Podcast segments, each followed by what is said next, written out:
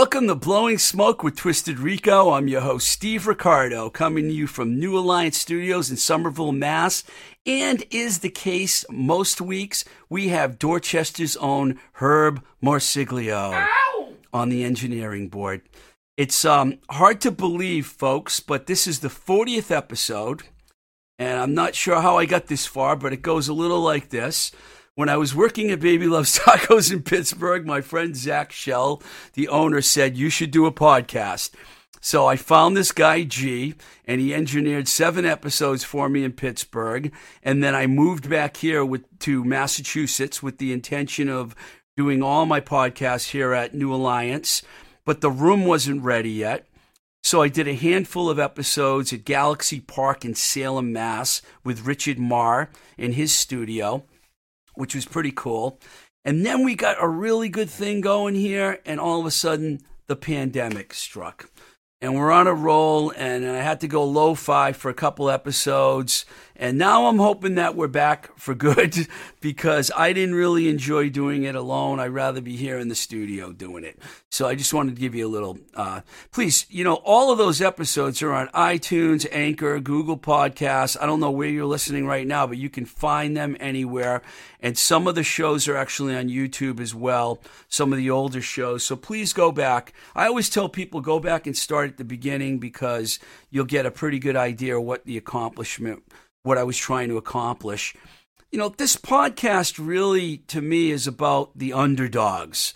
You know, the bands that almost made it, the bands that are like below the radar. You know, there's so many good ones. So as we move forward, I want to focus on bands and songwriters that have fallen through the cracks, the ones that are so good that you have to hear them. And there's a lot of them. Of course, we'll still have our high powered guest on once we get through this pandemic.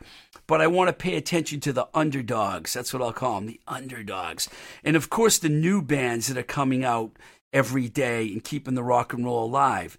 And that's why I'm going to talk to you and play a song for you by Trailer Swift, which is one of the coolest names, no doubt. So, to get us going here today, to get our blood flowing, here's a brand new song from the band Trailer Swift. This track is called Raise the Dead. Out of time.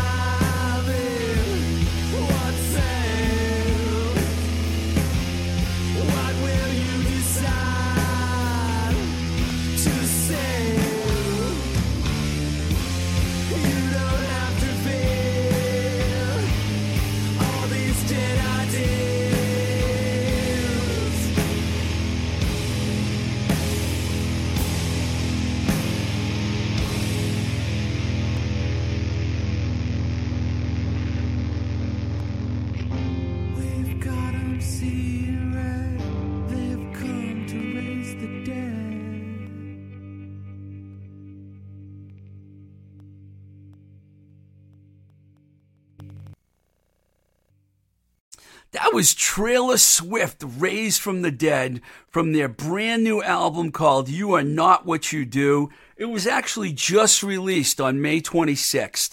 Um, on the band's Bandcamp, Bandcamp page, it describes this new record as follows Six songs of progressive post punk through the lens of Boston's own Trailer Swift.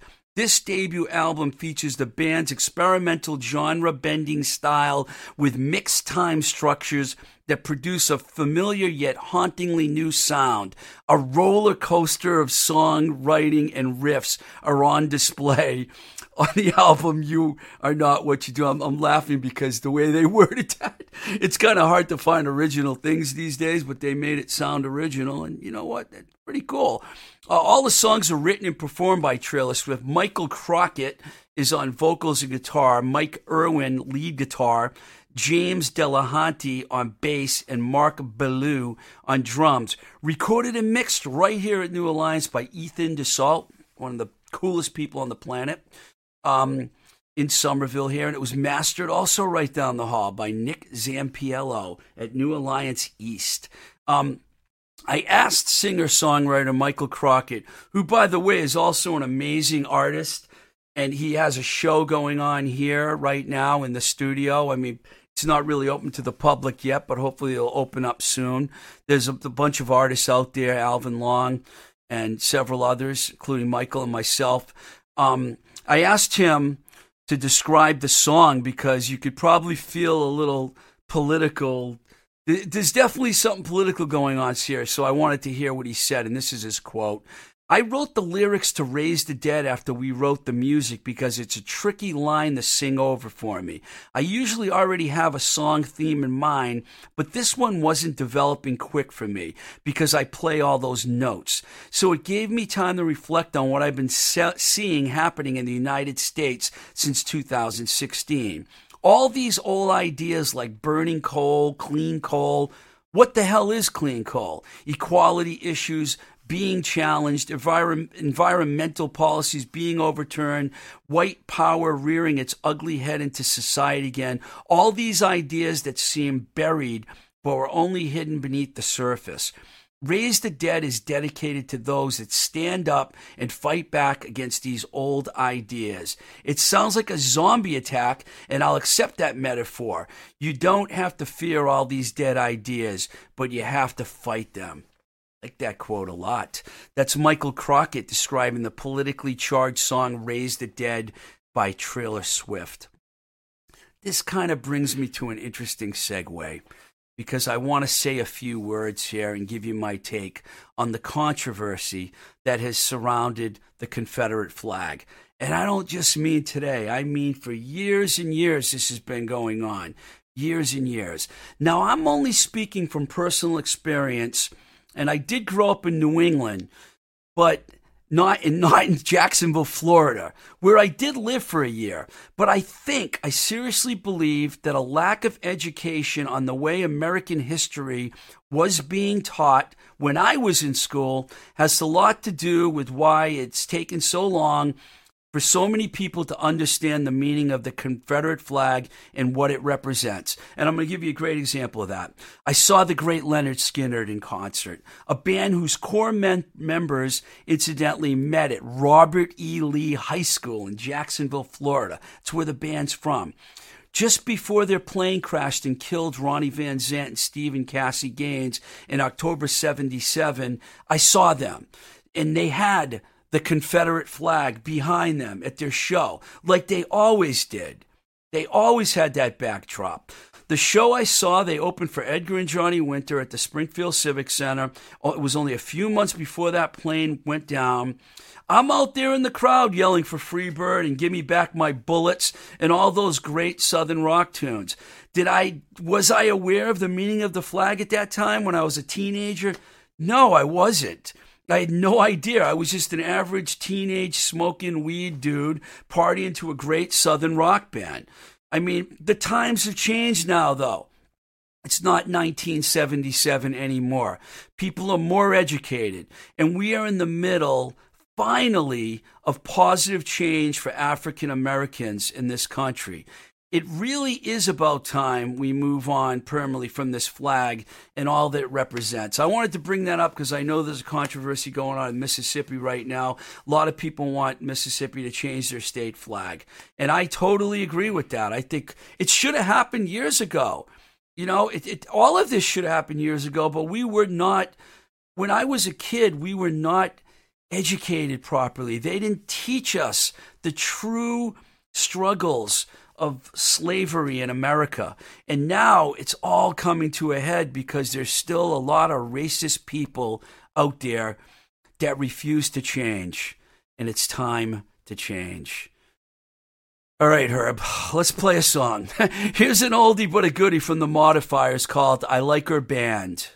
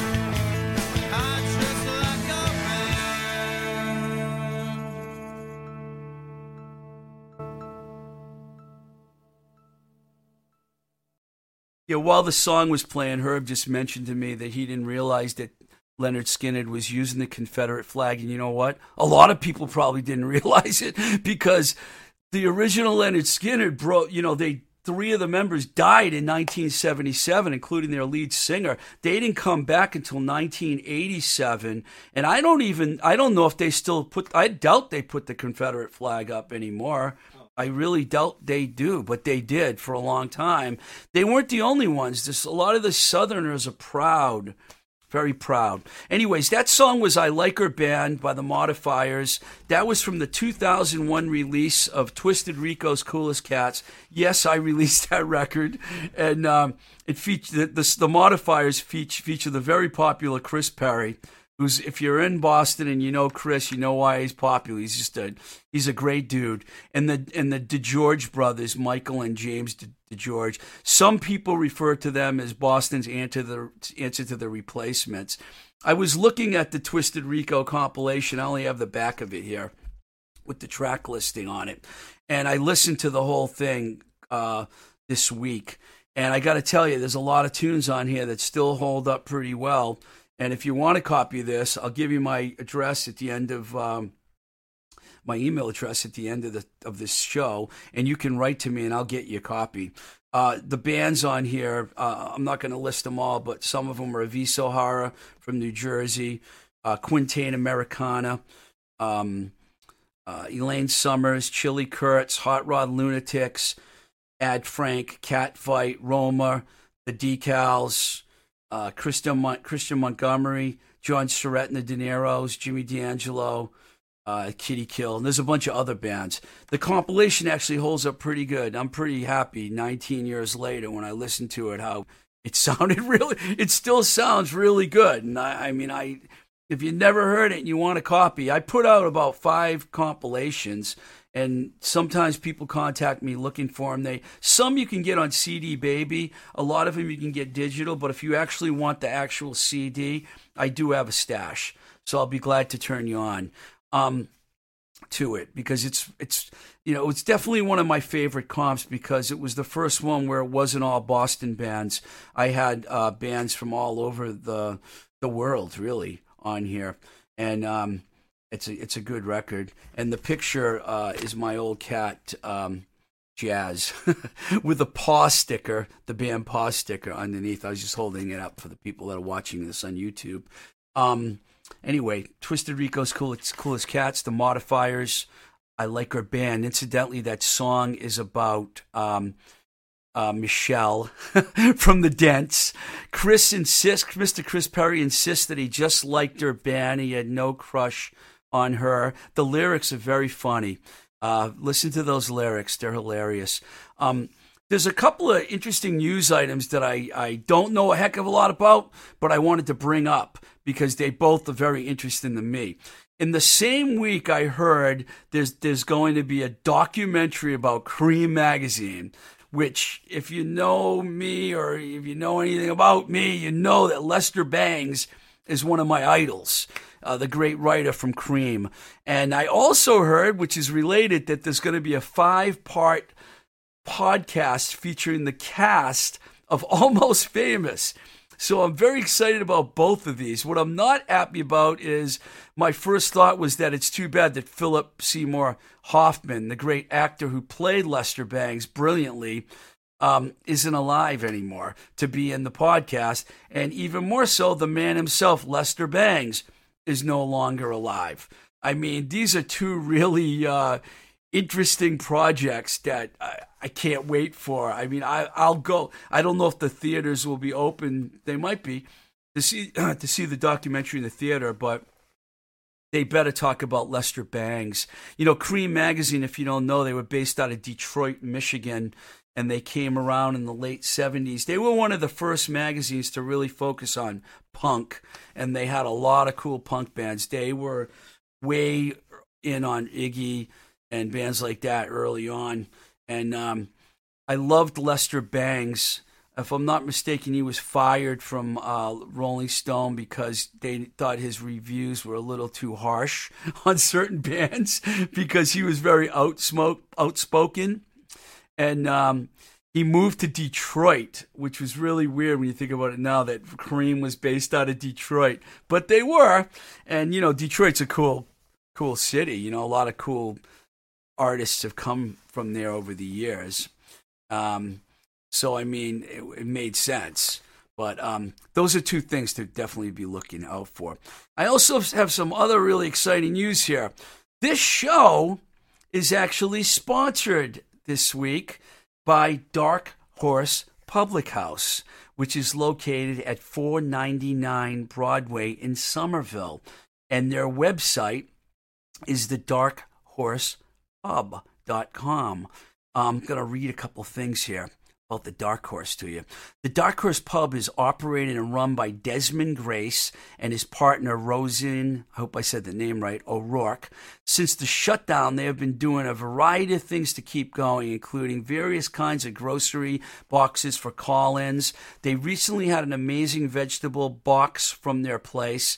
Great stuff from what I hear. They're also getting ready for modified uh, dining to return soon but are packing food still. And they support a coop called the Help a Neighbor Fund that allows people to chip in to cover others who can't make the foods and meet. These are really good people. Uh, Desmond Grace asked us to deliver this message to our list- listeners, and this is a quote. To all our regulars and future regulars, we here at the Dark Horse have spent the last three months in the keg room, drinking all our inventory and gaining a ton of weight. I I resemble that, actually. I can relate to that. Um, well, only partly. We also tried to make life easier by offering no contact grocery pickup and working with schools and parents to provide 300 food insecure people a week with fresh food. We're getting ready to welcome you back for summer with dishes and drinks as we emerge into the world.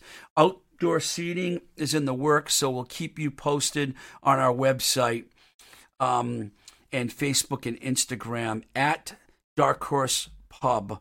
Once again, their website is darkhorsepub.com.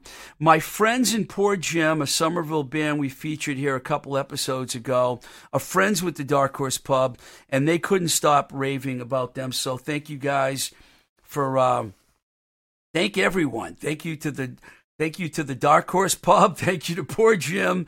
And we're happy to have you as a sponsor.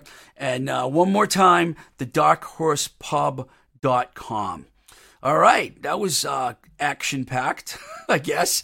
Uh, thank you all for tuning in this week, and we especially like to add, to thank our patrons who support us at www.patreon.com slash twistedrico. Please check out the site and help keep the podcast going. If you want to contact me, I'm at twistedrico at gmail.com or you can follow us on Instagram at twistedrico. And I never mentioned this, but we have a Twitter page. It's at blowing smoke BS on Twitter. Um, this is Steve Ricardo with Twisted Rico. This is Steve Ricardo with... I knew I'd screw something up. Uh, this is Blowing Smoke with Twisted Rico, and I'm your host, Steve Ricardo. I think I got that right this time. Till the next time we say goodbye, keep the rock and roll alive, and we love you, Busy Phillips.